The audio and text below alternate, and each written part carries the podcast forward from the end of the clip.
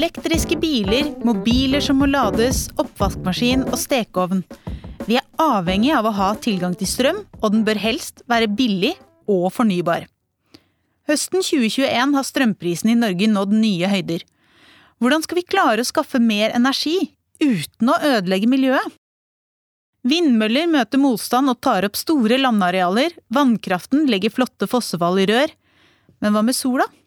I dagens episode av Universitetsplassen møter du forsker ved Senter for materialvitenskap og nanoteknologi, Kristin Bergum, og forsker ved Institutt for energiteknikk, Josefine Selv. Velkommen!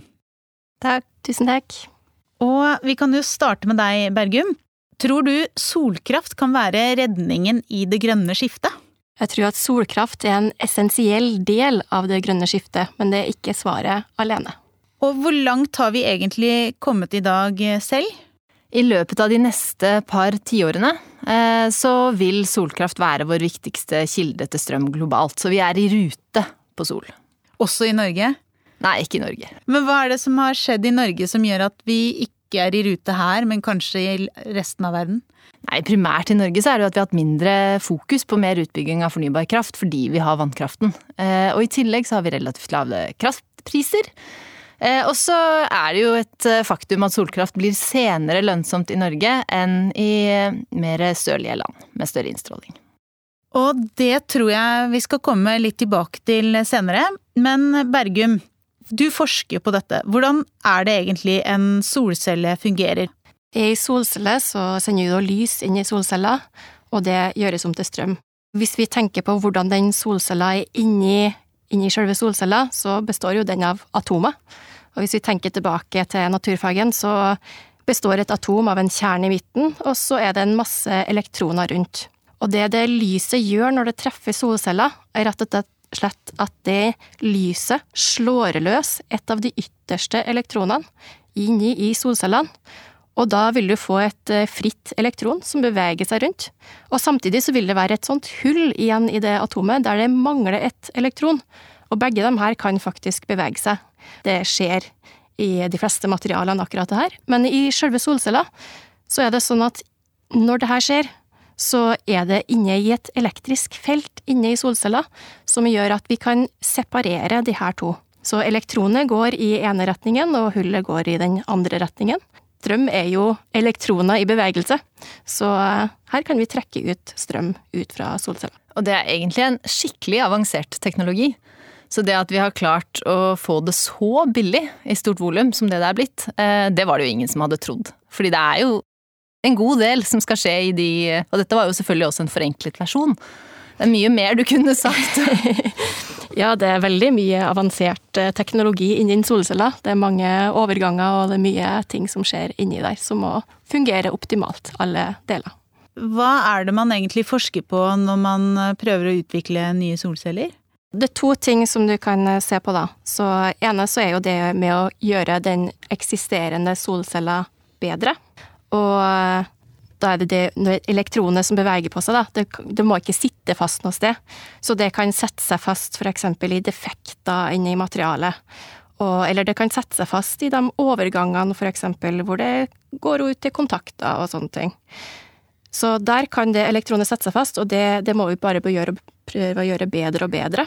Og så har du de litt mer radikale teknologiene, som eh, da er mer på kanskje å lage en ny solcelle på toppen av den gamle solcella. Og den beste solcella som er produsert i dag, ligger jo på rundt 50 eh, og det er jo med seks solceller som er stabla oppå hverandre. Og så kan du gjøre også noe mer med det lyset, da. For eksempel så kan du jo ta eh, noe av eh, det lyset som ikke hadde nok energi. Det kan du jo Kanskje du kan koble sammen to av de fotonene og sette dem sammen til én som har litt mer energi. Så kan du plutselig utnytte den delen av lyset også. Så det er flere forskjellige ting som vi kan gjøre for å øke effektiviteten. Og så er det jo det med pris.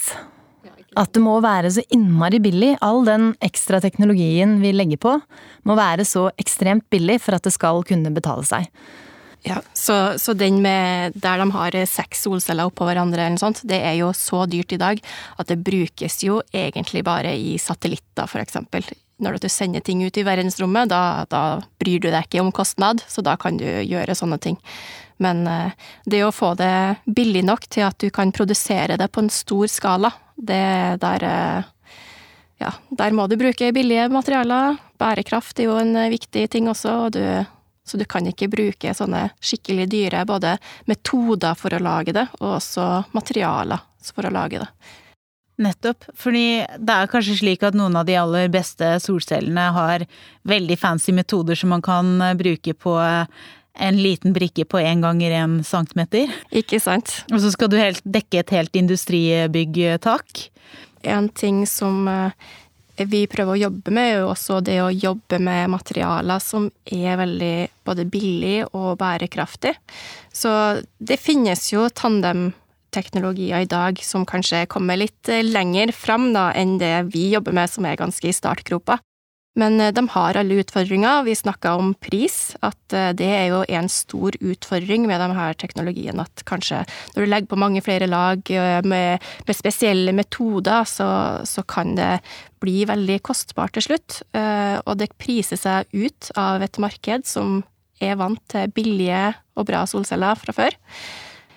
Og så er det andre materialer som kanskje er forholdsvis billige, men de har problemer med eh, at de er giftige, eksempel. Eh, dessverre så er det jo sånn i materialteknologi at eh, legg til et giftig materiale, så fungerer ting mye bedre. Det, det virker til å være en generell regel. Eh, så vi vil jo selvsagt ikke ha f.eks. bly i solcellene eller giftige materialer. Og vi vil gjerne ha materialer det finnes veldig mye av. Eh, sånn at vi ikke kommer på et sted hvor at vi å nei, vi vet ikke om vi har nok til å dekke behovet. Så i og med at det er såpass store skala det er snakk om, så trenger vi å bruke materialer som er, eh, finnes mye av i jordskorpa vår. Og akkurat der er jo silisium mer eller mindre uslåelig, da, fordi at det er det vanligste eh, grunnstoffet i, i jordskorpa. Eh, men bly er det jo litt av, dessverre, også i de vanlige silisiumsolcellene. Og det er jo et av relativt få eh, utfordringer, eller en av relativt få utfordringer med silisiumsolcellene materialmessig, at vi ikke er blitt kvitt blyet. Og det jobber man jo med, da, for vi ønsker ikke å ha bly. Det går til loddingen, det å få kontaktene til å sitte sammen. Der bruker vi fortsatt eh, bly. Bly er jo et lite problem i solceller, men det er jo veldig lite da i forhold til hva som er de fleste andre teknologier. Altså, I forhold til batterier, eksempel, så er det jo en veldig liten del, og den absolutt største delen av ei solcelle, det er jo produsert av silisium og glass. Som, så det her er jo basert på sand, rett og slett. Store deler av det.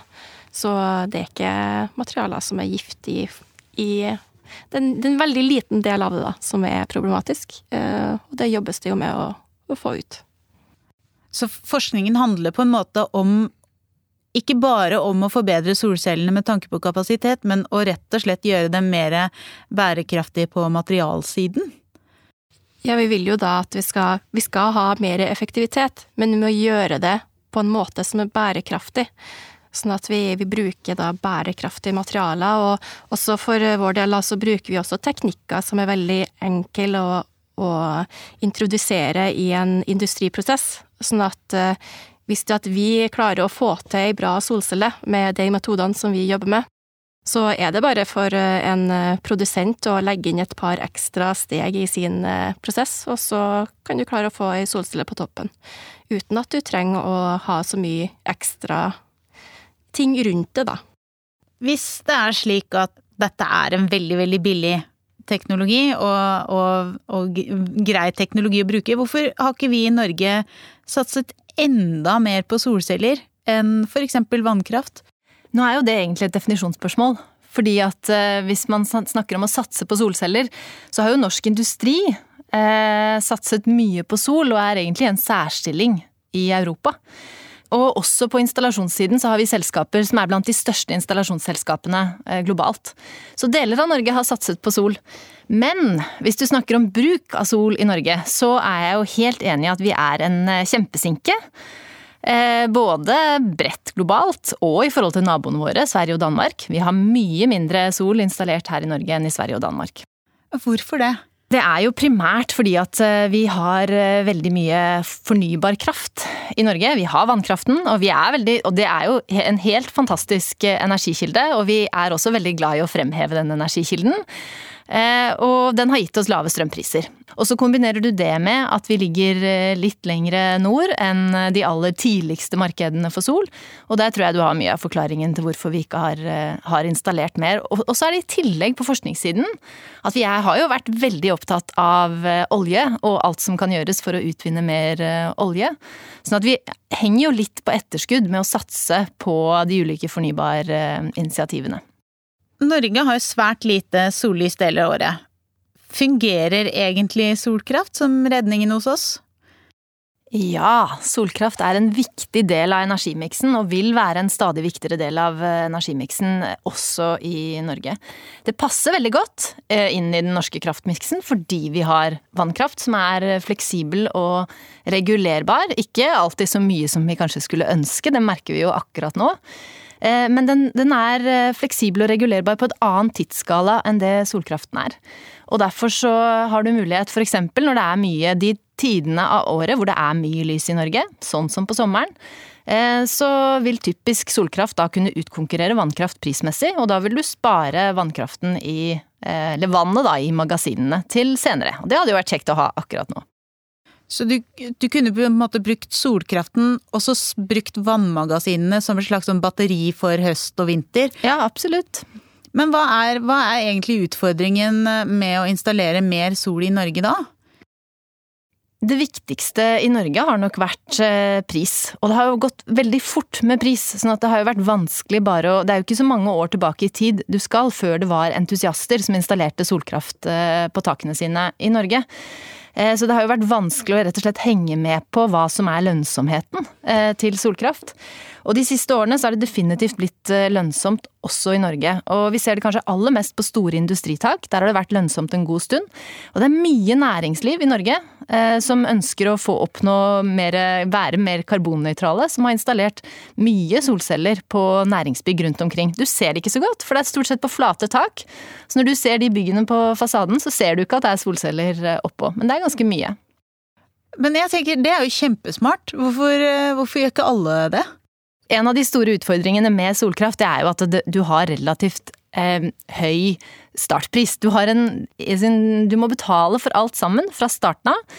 Eh, og da har du etter det, så har du jo strømmen din de neste 25-30-35 årene, avhengig av hvor lenge man antar at solcellepanelene lever. Men du må klare å hoste opp de pengene helt på begynnelsen, da. Eh, så det er kapitalintensivt, rett og slett. Eh, så det blir på en måte på å forskuddsbetale for all strømmen, liksom? Det stemmer. Men det vil jo kanskje lønne seg med dagens eh, kraftpriser, hvis, det, hvis, man kan forvente at det skal ligge stabilt høyt framover? Ja, definitivt. Og det har solbransjen også sett i Norge. At det har blitt en eh, stor økning i etterspørsel eh, nå i høst. Så folk er jo definitivt påvirkelige, og høye kraftpriser gir umiddelbar, et umiddelbart ønske om, om mer solkraft. Så det er positivt for økt installasjon i Norge. Men hvor mange solcellepaneler må egentlig til hvis vi skal tenke at det skal monne, da, for å løse det ekstreme energibehovet vi har i verden i dag?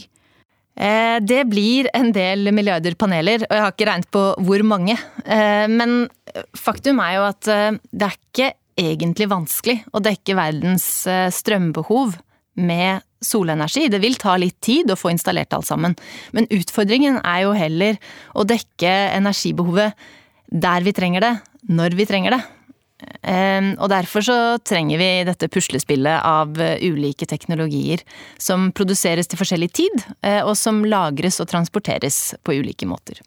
Da forstår jeg det slik at det du mener litt med det, er at når det ikke blåser, så trenger vi at det er sol og vann. At de ulike fornybare energikildene på en måte er eh, backer opp for hverandre, da. Ja, vi er helt avhengig av det. Eh, og så må vi ha lagringsløsninger i tillegg, fordi det vil være Stort sett så er sol og vind, for eksempel, ganske komplementære. Eh, det er sånn at det er litt mer vind når det ikke er sol. Veldig mange steder på jorda. Og det samme med sol og vann. Veldig mange steder er også delvis komplementære. Men likevel så vil du ha perioder hvor du mangler strøm, og da er det helt avgjørende å ha lagringsteknologier på plass, både for kort tid og for lang tid. Så vi trenger både batteriene og hydrogen for å dekke alle tidsskalaene. Hvis eh, dette skal slå skikkelig an i Norge, så må vi kanskje ha så dyre strømpriser at alle vil dekke taka sine med solceller. Da ville det vel begynne å monne? Ja, absolutt, og det er gjort flere analyser av hvor stor eh, bygningsmasse vi har som kan dekkes med solceller. Og vi kommer lett opp i 7 terawatt-timer. Hva er det? 7 terawatt-timer. Skal vi se, vannkraften vår gir 130 eh, terawatt-timer i året, hvis jeg ikke tar feil. Um, så da kan du sette det i perspektiv, da. Så det er da fortsatt Men det er bare på bygg. Eh, og det er ikke alle typer bygg, men det er et utvalg, eh, et utvalg eh, bygg. Industritak som er store og flate, kanskje? Eller? Det er faktisk NVE som har anslått det at 7 TWh kan være overkommelig i, i, Norge. Hvis man ser på det rene potensialet på byggene, så er det betydelig høyere. Men, men NVE har da valgt seg 7 TWh som et anslag på hva som kan være realistisk, da. Et bygg er jo mer enn bare takflate. Altså er det mer vi kan gjøre for å, for å få mest mulig energi ut av Ja. Og vi, jeg syns jo at hvis vi skal ha storstilt eh, installasjon av solceller i Norge, så burde det være en del av det som er bygningsintegrert. Sette det i fasaden, eller sette det på taket. Det er en del teknologer som er veldig glad i eh, å ha vanlige solceller på taket, og syns at det ser veldig pent ut. Eh, og det må jo definitivt være lov, og jeg heier på det også. Men jeg syns det er flere hakk mer estetisk når det er integrert. Og hvis vi skal ha store mengder sol, eh, så ville det vært fint eh, om, eh, om mer av det var integrert i bygningskroppen. En fordel med bygningsintegrering på fasade også her i Norge, er jo at eh, kraftproduksjonen på vinteren blir litt høyere, fordi at eh, i forhold til hva de ville vært hvis de er på taket. Fordi eh, du har en ganske stor vinkel på sola på vinterstid. Og du kan også få en refleks fra snøen som ligger foran huset. Sånn at du kan faktisk få en forholdsvis større del av produksjonen din på vinteren, som jo er da strømprisen er høyest. Dette med areal, det har jo vært eh, oppe til diskusjon i andre fornybarsammenhenger, blant annet med tanke på vindkraft, da, eh, hvor man setter opp vindmølleparker, men det bruker mye areal av naturen, eh, rett og slett. Er det sånn at en solcellepark på det samme arealet, ville det være mer effektivt, eller er det Går det opp i opp? Jeg kjenner ikke arealeffektiviteten til vind godt nok til å sammenligne dem direkte, men en av de store fordelene solkraft har, det er jo at den er distribuert og kan brukes eh, sammen med annen utnyttelse av de samme arealene. Enten det er landbruk, eller det er eh, hus, eller det er flytende sol som brukes på, på vann, eller det er noe annet som er populært om dagen, som er eh, landbruksbasert eh, solkraft, eller agrivoltaics, som Hva er det for noe? Det er når man prøver å utnytte både jordbruksarealene til jordbruk, og samtidig høste strøm fra dem. Og særlig lengre sør så kan det være veldig fordelaktig, fordi at eh, plantene har det egentlig best når de ikke får så mye belysning som det som er naturlig. Og dermed kan du hente fordeler både for landbruket og at du får ut eh, strøm som bonus, da. Eh, og så er det jo da fortsatt Det er ganske ferskt, så man jobber jo fortsatt veldig med å finne ut av hvilke planter som egner seg best, og, og hvordan det skal settes opp, da. Men du nevnte flytende sol. Hva er det? Det er akkurat det det høres ut som. Det er eh, solcellepaneler som eh, ligger på vannet og flyter. Eh, det er relativt basic panelteknologi. Det er mer eller mindre de samme panelene som de vi setter på taket. Og det er derfor det har kunnet bli konkurransedyktig såpass fort, eh, fordi det er en ny nisje, men grunnteknologien er den samme som den vi allerede har brukt i ganske mange år. Men så har du da eh, en teknologi for disse flyterne som panelene ligger på. Og der er det veldig mange forskjellige måter å få panelene til eh, å flyte. Og blant annet så er det en del norske selskaper som har veldig spennende flyteteknologier for flytende sol. Men hvis vi prøver å se litt eh, fram i tid, da. Særlig i science fiction så kan man jo se for seg biler og fly som er selvforsynte med strøm via et eh, solcellepanel. Er dette ren fantasi, eller bør det være mulig å drømme om en slik eh, framtid? Hva tenker du om det, Bergum? Med solceller så er det jo sånn at de produserer strøm bare når det er lys. Så hvis du bare skal basere deg på solceller, så jo, må du jo håpe at det ikke blir overskya, eller at du må bare fære på noen timer på dagen. Og den andre tingen er jo det at biler krever jo ganske mye effekt når de kjører. Uh, og, så du må ha et ganske stort areal med solceller for å samtidig kunne kjøre den bilen. Det vil nok være en veldig, veldig lett bil som kjører veldig sakte.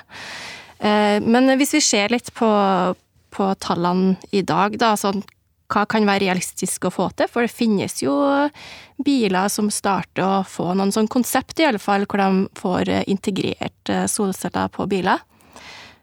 Det er jo mange antakelser på hvor mye produksjon du kan eh, få ut fra en solcelle, avhengig av hvor du er plassert og hvor mange soltimer er det, hvor, hvordan det været den dagen og sånne ting.